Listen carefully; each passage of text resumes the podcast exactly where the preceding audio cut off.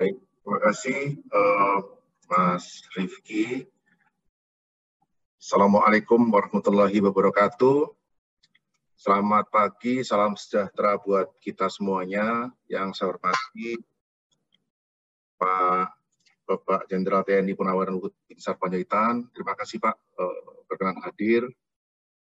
Uh, Pak dari Pak Isranur, Pak Gubernur Kalimantan Timur atau yang mewakili Pak Abu Ilmi yang saya hormati. Terima kasih.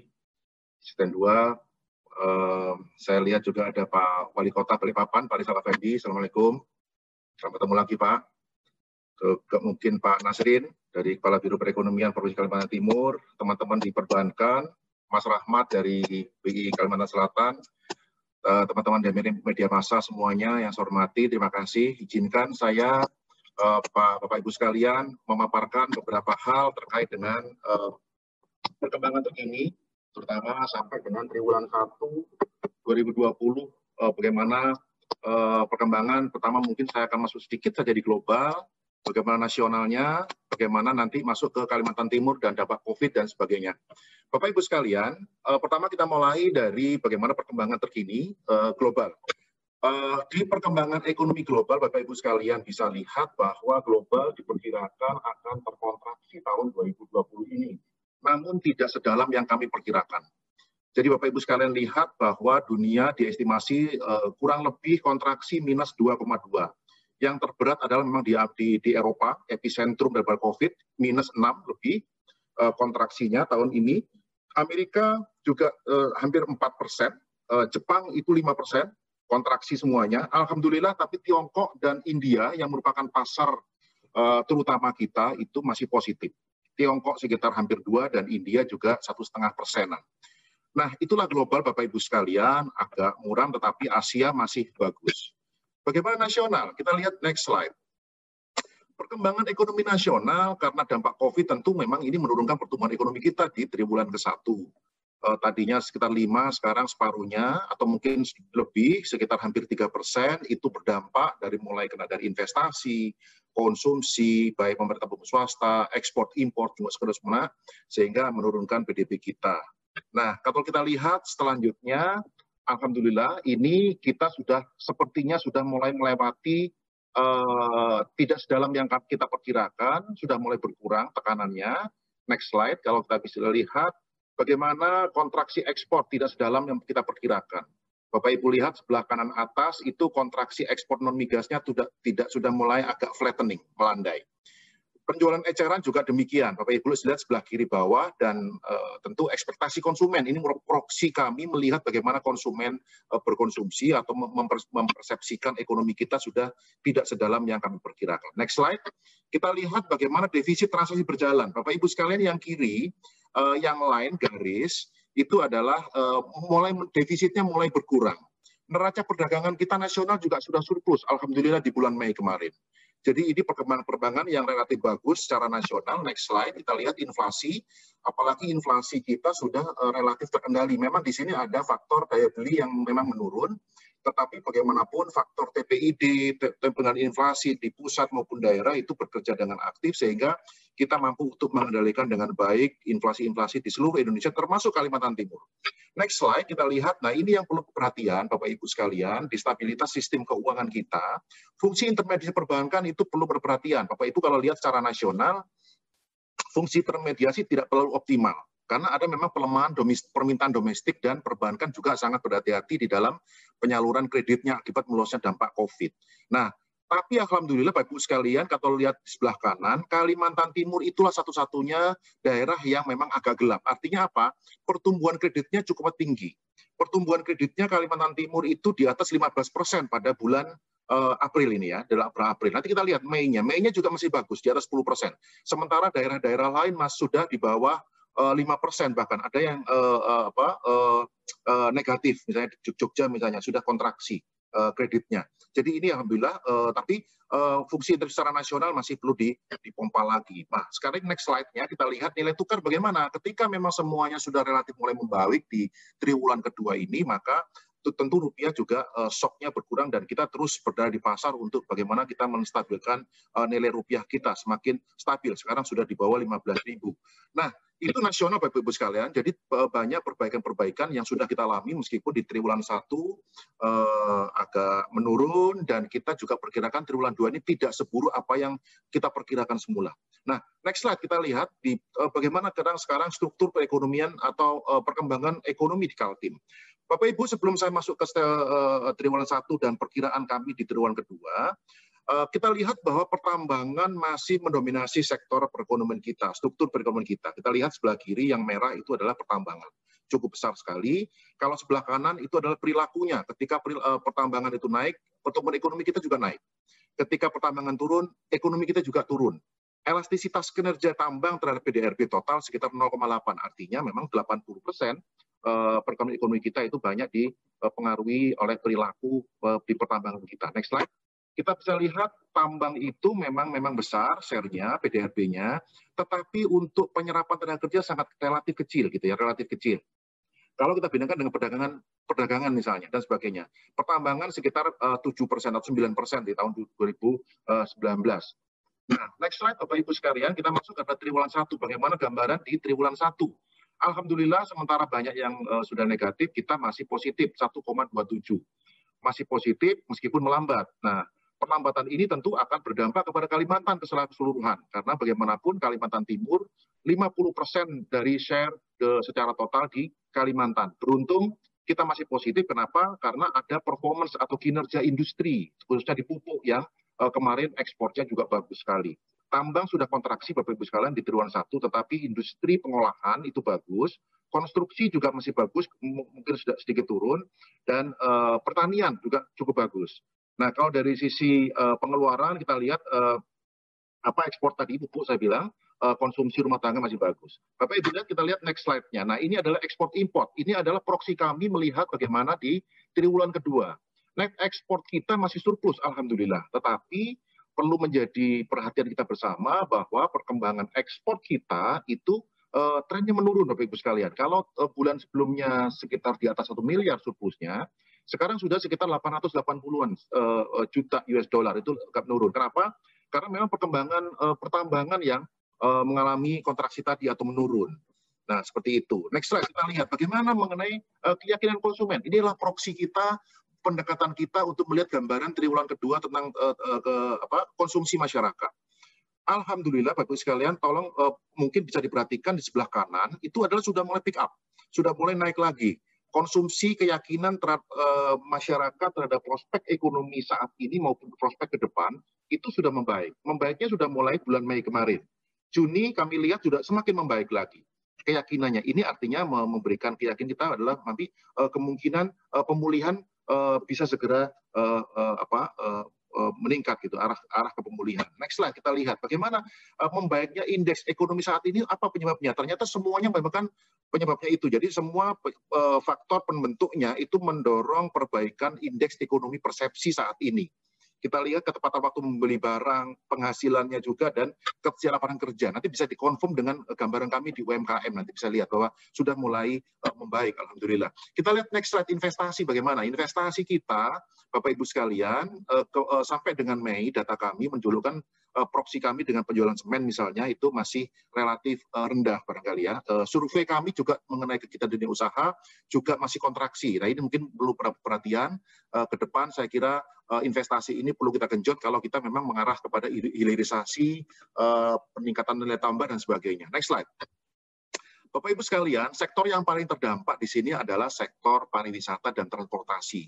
Kita tahu bagaimana dampaknya agak uh, curam awalnya, tapi alhamdulillah saat ini sektor pariwisata, transportasi mulai mereda tekanannya. Bapak Ibu bisa lihat di sebelah kanan penerbangan domestik maupun internasional sudah flattening, sudah mulai uh, me, me, me, mereda, terjadi moderasi. Penghunian kamar juga sudah tidak terlalu uh, sudah tidak terus turun lagi, sudah mulai mereda. Nah, next slide kita lihat dari seluruh gambaran itu, kami melihat uh, memang faktor uh, sekarang uh, banyak dipengaruhi bagaimana kita perilaku kita, bagaimana kedisiplinan masyarakat, bagaimana kita juga merespon kondisi-kondisi dampak COVID ini, baik pemerintah, swasta, perbankan, kami sendiri, dan uh, tentu masyarakat juga, dan vaksin, penemuan vaksin. Dan kami perkirakan uh, range, kami akan pakai range di sini, uh, bisa sampai tipis positif di akhir tahun 2020. Bahkan kalau memang ini agak memburuk, kita bisa skenario sangat berat, itu bisa negatif uh, sekitar satu atau dua persen. Next slide. Nah, Bapak Ibu sekalian, itu pertumbuhan ekonomi. Bagaimana kita sekarang bicara mengenai inflasi? Inflasi saya ingin mengantarkan dulu gambaran bahwa di awal Kalimantan Timur termasuk Kalimantan lainnya sebagian besar atau hampir semua kita pasok dari luar. Dari 10 komoditas yang kami amati, menurut data uh, tentu dari uh, pemerintah daerah, itu ada hanya satu-satunya daging ayam ras yang seluruh Kalimantan itu uh, surplus. Yang lainnya kita negatif. Surplus daging ayam ras di Kalimantan Timur tipis sekali. Jadi bisa saja ini kalau kita tidak uh, kembangkan, dia akan bisa uh, menjadi defisit. Yang kedua adalah minyak goreng, Bapak Ibu sekalian. Seluruh Kalimantan, meskipun kita punya uh, luas lahan yang berjuta hektar, Kalimantan Timur mungkin sekitar uh, hampir 1,2 juta hektar, tapi kita masih defisit minyak goreng.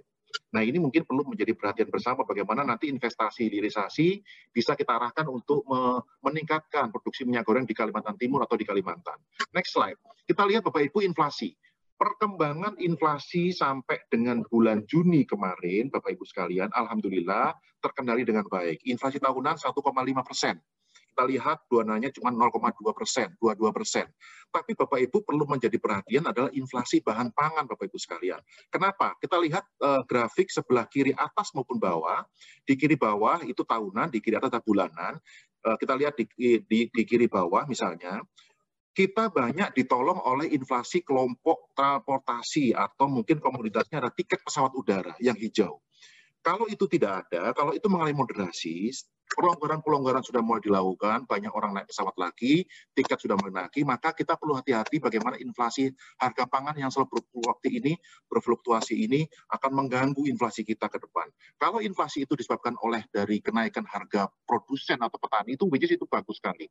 Tetapi yang kita perlu perhatikan ketika kenaikan itu adalah karena kenaikan di pedagang perantara yang memang mengambil margin yang terlalu besar. Barangkali itu yang perlu menjadi perhatian bersama. Alhamdulillah kita terus uh, di bawah bimbingan uh, pemerintah daerah, kami siap mendukung terus penguatan-penguatan, termasuk penguatan-penguatan di uh, badan usaha milik negara. Ini penting karena apa? Penguatan buffer stock, penyangga bahan pangan, penyangga harga, penyangga suplai pasokan, sehingga harga bisa lebih distabilkan.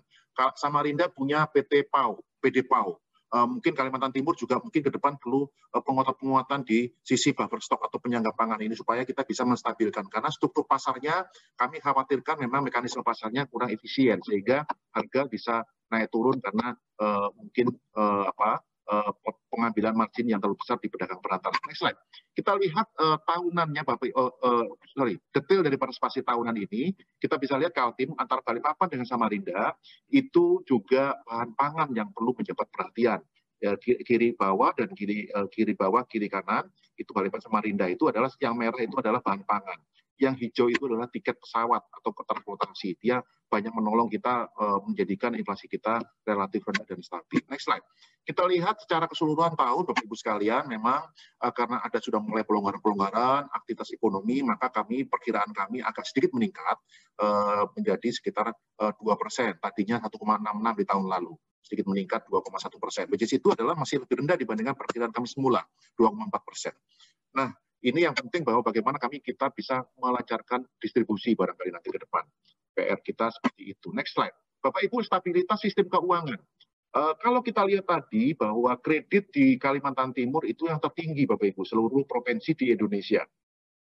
Perkembangan terakhir di tadi bulan Maret, uh, April, sorry. Kita sudah bulan Mei. Bulan Mei sebenarnya masih tinggi. Kalau kita lihat sebelah kiri itu adalah lokasi proyek lokasi proyek itu adalah bagaimana perbankan seluruh lembaga keuangan di mana pun juga di Indonesia memberikan kredit atau pembiayaan ke Kalimantan Timur.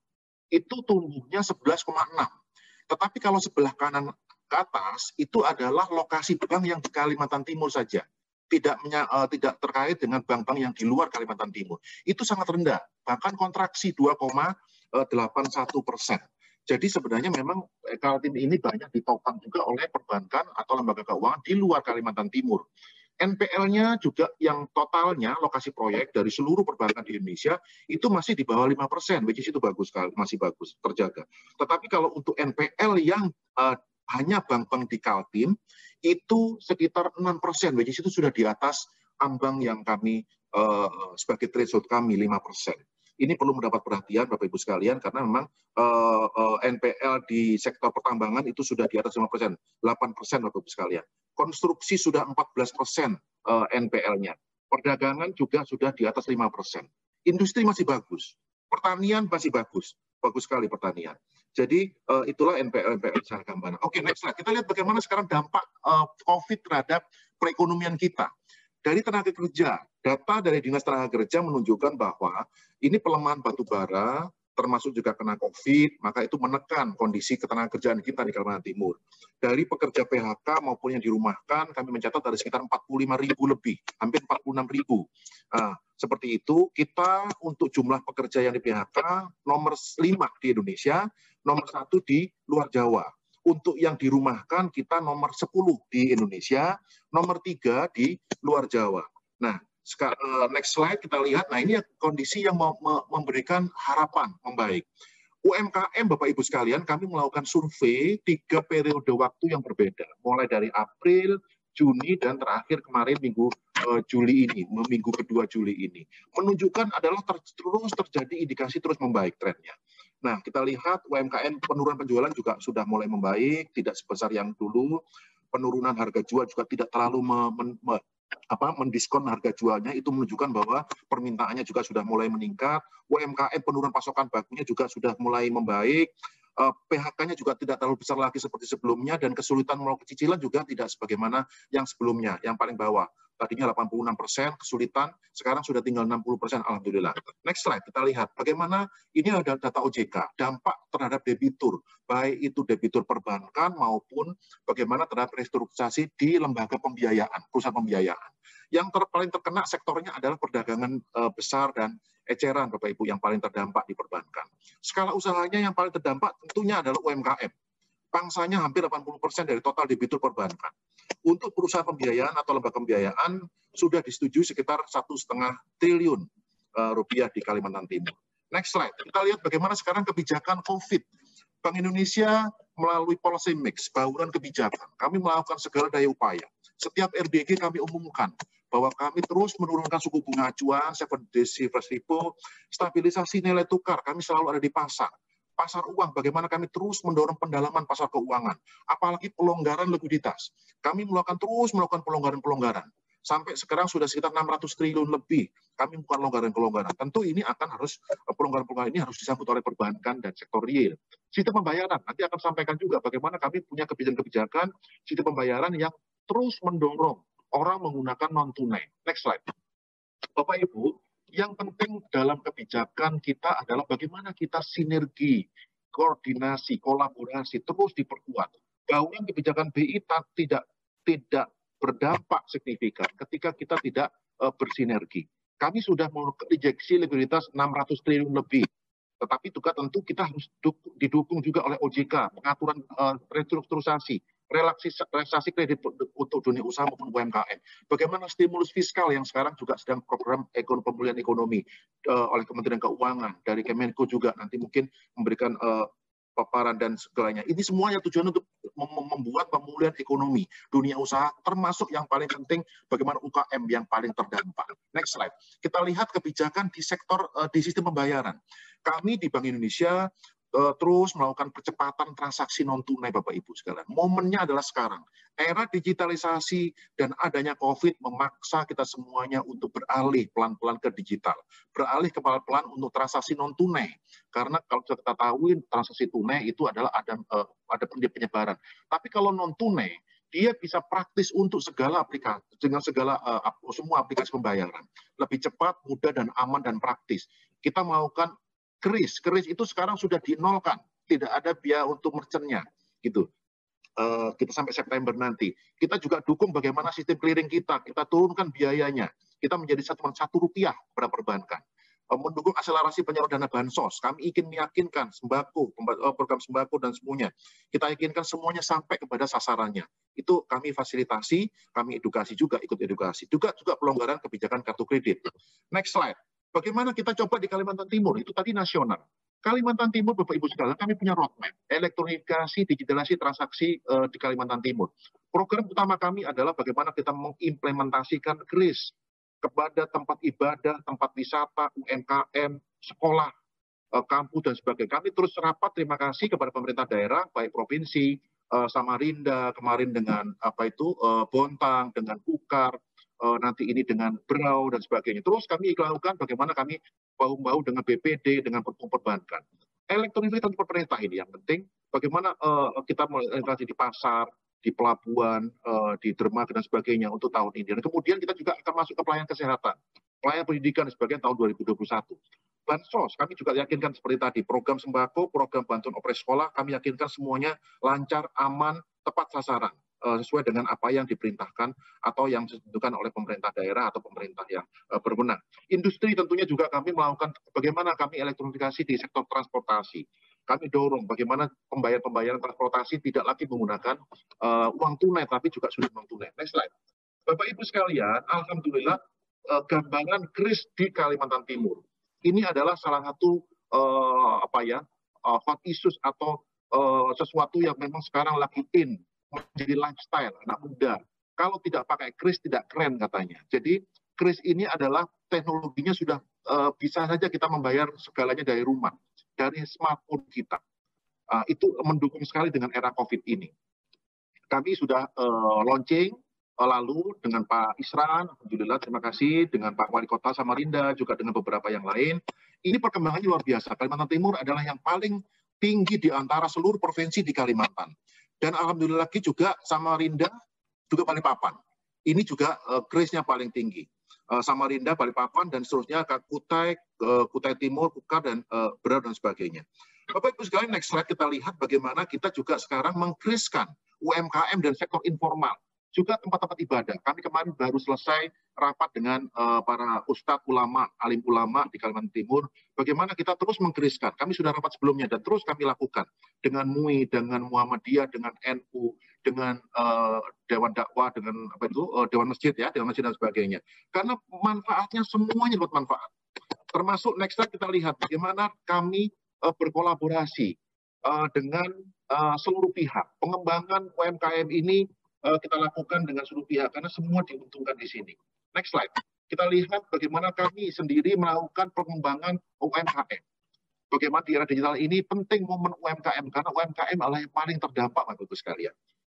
Nah, kita lihat, kita melakukan sinergi ini yang penting. Sinergi bagaimana mewujudkan UMKM 4.0 sebagai kekuatan baru ekonomi di Kalimantan Timur untuk bisa menstabilkan, membuat pembangunan semakin inklusif, lebih sustainable. Sinergi dan koordinasi kami juga melakukan bantuan teknis kepada ribuan UMKM yang sudah uh, kami luluskan melalui mini university kami. Uh, kami juga melakukan pendampingan.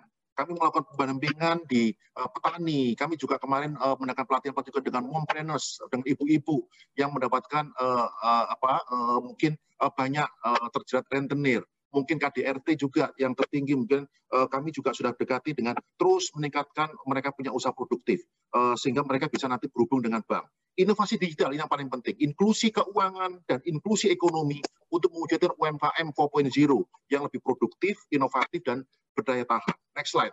Nah, sekarang saya ingin masuk pada inti masalah uh, lebih dalam lagi bagaimana potensi hilirisasi SDA di Kalimantan Timur. Bapak Ibu sekalian, Kalimantan Timur menjadi penentu dinamika pertumbuhan ekonomi Kalimantan. Tentu kita lihat tadi dengan sektor pertambangannya, kita lihat di grafik Eh, kenaikan penurunan itu banyak disebabkan oleh sektor tambang. Nah, sangat mendonasi bagaimana lima tahun terakhir Kalimantan, bagaimana Kalimantan Timur juga lima tahun terakhir. Kesimpulannya apa? Kita masih sangat bergantung kepada sektor primer. Sektor primer yang low tech, low teknologi, teknologi rendah. Kita juga yang kedua rentan terhadap kondisi eksternal Bapak Ibu sekalian, terutama dinamika harga komoditas global, harga Eh, coal, batubara, harga CPO, dan sebagainya. Tentu ini memerlukan proses perlunya transformasi industri, transformasi ekonomi. Untuk apa? Penguatan struktur ekonomi kita. Next slide. Bapak Ibu sekalian, sektor tambang ini juga menjadi penentu kinerja ekspor kita, penentu investasi kita. Ekspor kita melambat tiga tahun terakhir, bahkan kontraksi di 2019. Itu dipengaruhi oleh tambang batubara, juga tentu ini juga investasi kita uh, ini menariknya adalah investasi kita meningkat. Tapi kalau dilihat peningkatan investasi, terutama kepada sektor tersier dan primer, Bapak Ibu sekalian. Nah, tentu kalau kita lihat lebih jauh lagi, sumber PMA-nya dari mana? investasi terutama dalam negeri sumbernya adalah dari negara-negara tax haven, dari offshore financial center. Itu suatu uh, suatu teritori tax treaty di sana suatu daerah di mana mereka bebas pajak atau mungkin sangat rendah pajaknya seperti British Virgin Island, Mauritius yang tertinggi dan uh, tentu juga Singapura. Next slide kita lihat sektor pertambangan sangat menentukan peran fiskal uh, peran fiskal pemerintah daerah di Kalimantan Timur maupun di Kalimantan secara umum. Kita lihat dinamikanya. Ketika tambangnya menurun, juga kemampuan infiskalnya juga menurun. Ini juga menurunkan pertumbuhan ekonomi kita. Uh, ini cuma di Kalimantan, uh, tidak hanya di Kalimantan Kalimantan Timur, tapi juga di seluruh Kalimantan. Kali Kalimantan 50% dari seluruh Kalimantan. Next slide. Kita lihat kalau begitu, apa sih banyak? Kita punya potensi Bapak Ibu sekalian. Kita punya potensi besar mendorong perbaikan struktur ekonomi kita. Apa itu? Kami fokus banyak di hilirisasi sumber daya alam dan pariwisata. Pariwisata kita punya dua yang besar di Kalimantan, Derawan, Kepulauan Derawan, dan satu lagi di Tanjung Puting. Yang dua tahun terakhir, beberapa tahun terakhir itu perkembangannya luar biasa. Dan yang paling penting adalah tetap kita, kita, sama dengan selaras dengan pemerintah pusat, Kemenparekraf, kita melakukan pendekatan quality tourism, super premium atau premium tourism, dan juga menjamin adanya uh, stabilitas, kesinambungan lingkungan, environment sustainability. Dari sisi hilirisasi, kita juga melakukan di batu bara, itu yang penting. Kedua adalah CPO, dan tentu di bauksit, ini di Kalimantan Barat. Bagaimanapun batu bara CPO ini adalah uh, potensi besar di Kalimantan. Kita lihat bagaimana potensi next slide-nya. Bapak Ibu, kita punya beberapa pendekatan, khusus di Kaltim dengan beberapa pendekatan, analisa intensif dan extensive margin, uh, analisa reveal symmetric comparative advantage dan trade balance index, maupun dengan analisa dynamic reveal comparative advantage, kita menunjukkan semuanya adalah batu bara dan CPO berpotensi dikembangkan di Kalimantan Timur. Bapak sekali kita lihat uh, uh, beberapa grafik. Next slide. Ini yang, nah ini yang ini juga kita punya pendekatan-pendekatan case tadi CPO Kaltim, daya saing industri yang kuat. Tentu ini akan mendorong produktivitas jadi industri yang kita lihat kelapa sawit misalnya, case-nya CPO, itu masih mengalami pertumbuhan daya saing yang cukup besar. Itu di atas pertumbuhan output regional. Dari sisi daya saingnya bagus, uh, juga output regional juga sangat bagus. Itu yang apa uh, lingkaran besar uh, di kuadran paling kiri atas. Itu itu adalah di situ adalah industri uh, di pertumbuhan industrinya maupun di produktivitasnya. Next slide, kita lihat uh, ini adalah mencoba melihat adalah bagaimana kita itu low tech apa high tech kita masuk. Ternyata kita dari sisi uh, daya uh, meskipun kita punya daya saing tapi produk-produk kita masih berteknologi rendah Bapak Ibu. Kita lihat kalau di tengah-tengah itu ada di product space namanya di tengah-tengah yang uh, padat itu semakin ke tengah semakin bagus sebenarnya. Semakin kita uh, punya produksi uh, apa uh, uh, bisa transportasi dengan uh, dengan pendekatan yang lebih high tech. Tapi kita masih di pinggir-pinggir, masih di luar. Cool masih di atas, belum masuk ke dalam. Palm oilnya juga masih di pinggiran, gitu ya, di peri-peri. Jadi ini menunjukkan bahwa kita memang uh, umumnya masih berbasis raw material, tapi masih menggunakan low tech. Padahal kita Kalimantan Timur share-nya terbesar, 65 60 persen lebih batu bara di seluruh Kalimantan. Untuk CPO kita 40 persen lebih, gitu ya. Uh, pangsa ekspor kita kayu olahan juga masih besar sebenarnya 30 persen. Jadi potensi masih besar, tapi kita masih menggunakan teknologi uh, rendah. Nah, selanjutnya kita lihat pariwisata. Sebenarnya pariwisata ini masih sangat besar, masih punya daya ungkit yang besar untuk Kalimantan Timur yang untuk bisa kita optimalkan. Uh, beberapa sektor kami lihat di sini intinya adalah pariwisata, terutama kayak hotel, transportasi, itu masih relatif kecil outputnya. Tetapi ini menunjukkan bahwa kita masih potensi besar untuk kita eh, tingkatkan untuk pariwisata kita yang terkait dengan industri pariwisata. Next slide. Kita lihat bagaimana perkembangan pariwisata, potensinya dan realisasi terakhir. Uh, berapa tahun terakhir, dua tahun terakhir, 2018 dan 19, Bapak Ibu di tabel kiri, uh, tengah atas. Penerimaan devisa kita untuk Wisman itu meningkat cukup pesat sekali, ratusan persen. Kalau di Kalimantan Timur kita lihat sebelah kanan, uh, uh, kanan bawah itu peningkatannya luar biasa. Uh, uh, apa uh, apa uh, dari penghunian hotel dari jumlah wisatawan juga gitu ya. Potensinya sangat sangat besar sekali. Kita punya festival jazz, maratua jazz dan sebagainya itu saya kira menjadi menarik ke depan setelah COVID ini selesai atau uh, prosedur apa kita bisa uh, lakukan dengan prosedur-prosedur protokol yang ketat. Bapak Ibu sekalian kita itu itu gambaran kami Bapak Ibu sekalian uh, bagaimana kita uh, mempunyai uh, gambaran bagaimana dunia masih kontraksi, nasionalnya memang masih tapi sudah tidak sedalam kami perkirakan dan sudah mulai ada indikasi mulai meningkat. Kaltim sudah mendahului ya pick up sudah mulai bottom out uh, sudah mulai meningkat lagi dari sisi proksi konsumsinya dan sebagainya. Investasi yang perlu kita menjadi perhatian. Inflasi kita juga mungkin uh, bahan pangan perlu menjadi perhatian kita. Faktor tenaga kerja karena bagaimanapun kita masih banyak mengandalkan batu bara dengan CPO dan di sana cukup banyak eh, PDRB yang terkuras, fiskalnya juga menjadi uh, mendapatkan tekanan. Tetapi yang kalau tadi saya gambarkan tenaga kerjanya itu rendah di pertambangan, tetapi ikutannya, linkage backward linkage dan forward linkage-nya, keterikatan ke depan maupun belakangnya dari tambang. Itu terutama yang ke belakang.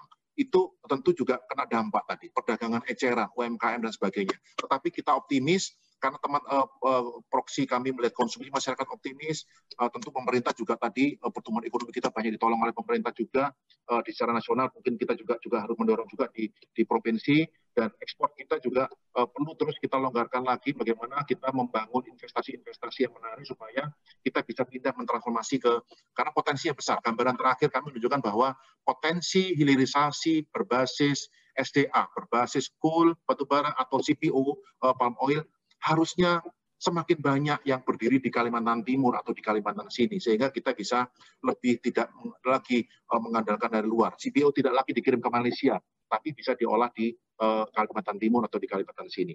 Demikian Bapak Ibu sekalian gambaran saya, mudah-mudahan bermanfaat. Uh, saya kembali ke moderator. Terima kasih. Assalamualaikum warahmatullahi wabarakatuh. Waalaikumsalam warahmatullahi wabarakatuh. Uh, terima kasih banyak Pak Tutup atas paparannya. Telah kita dengarkan bersama paparan dari Kepala Perwakilan Bank Indonesia Provinsi Kalimantan Timur, Bapak Tutuk S. Cahyono. Terima kasih banyak, Pak. Dari paparan tersebut, beberapa highlight yang bisa kita ambil adalah pertama dari sisi perkembangan ekonomi tambang masih jadi dominasi di Kaltim terlihat dari elastisitasnya sebesar 0,8 yang artinya jika kinerja tambang turun 1% akan menyebabkan PDRB Kaltim turun sebesar 0,8 persen. Di triwulan 1 2020 PDRB Kaltim tercatat mengalami perlambatan yang disebabkan oleh kinerja tambang yang mengalami kontraksi namun masih bisa tertahan oleh kinerja industri yang tumbuh tinggi. Pada triwulan 2 2020 diperkirakan sisi konsumsi sudah mulai ada perbaikan sesuai dengan hasil survei BI Kaltim, walau di sisi investasi maupun ekspor diperkirakan masih akan mengalami kontraksi. Diperkirakan PDRB Kaltim 2020 akan berada di rentang positif tipis hingga negatif 2% di skenario berat. Untuk di inflasi, inflasi sampai Juni masih terkendali dengan baik, namun inflasi bahan pangan masih perlu diwaspadai karena pasokan yang terbatas dan mekanisme pasar yang dikhawatirkan kurang efisien stabilitas sistem keuangan, kinerja kredit yang dialiri di Kaltim masih ditopang oleh perbankan di luar daerah, di mana pertumbuhan kredit dari perbankan di luar daerah ke wilayah Kaltim itu pertumbuhannya masih cukup tinggi dengan risiko yang sangat terkendali. Tapi di sisi lain, kredit dari perbankan lokal perlu diwaspadai karena resiko atau NPL yang cukup tinggi. Sementara itu di sisi UMKM, Dampak COVID terhadap UMKM di Kaltim sudah menunjukkan perbaikan berdasarkan hasil survei eh, BI Kaltim di tiga titik survei yang berbeda. Penjualan sudah makin membaik, PHK sudah makin berkurang. Sementara itu, langkah BI di tengah adanya pandemi COVID ini, BI terus melakukan pelonggaran-pelonggaran seperti penurunan suku bunga acuan, pengucuran likuiditas, yang juga disertai dengan koordinasi dengan OJK selaku otoritas keuangan dan uh, Kemenke yang uh, sebagai otoritas fiskal. Selain itu, sistem pembayaran BI terus mempercepat implementasi sistem pembayaran non-tunai melalui KRIS. Lebih cepat, mudah, aman, dan praktis. Di Kaltim, BI Kaltim mempunyai roadmap elektronifikasi transaksi di Kaltim, di mana BI Kaltim bersama dengan seluruh stakeholder di daerah gencar melakukan elektronifikasi di seluruh aspek. Salah satunya melalui implementasi KRIS. Terkait dengan UMKM, BI Kaltim terus berkomitmen untuk mewujudkan UMKM 4.0 untuk UMKM yang lebih produktif, inovatif, dan berdaya tahan.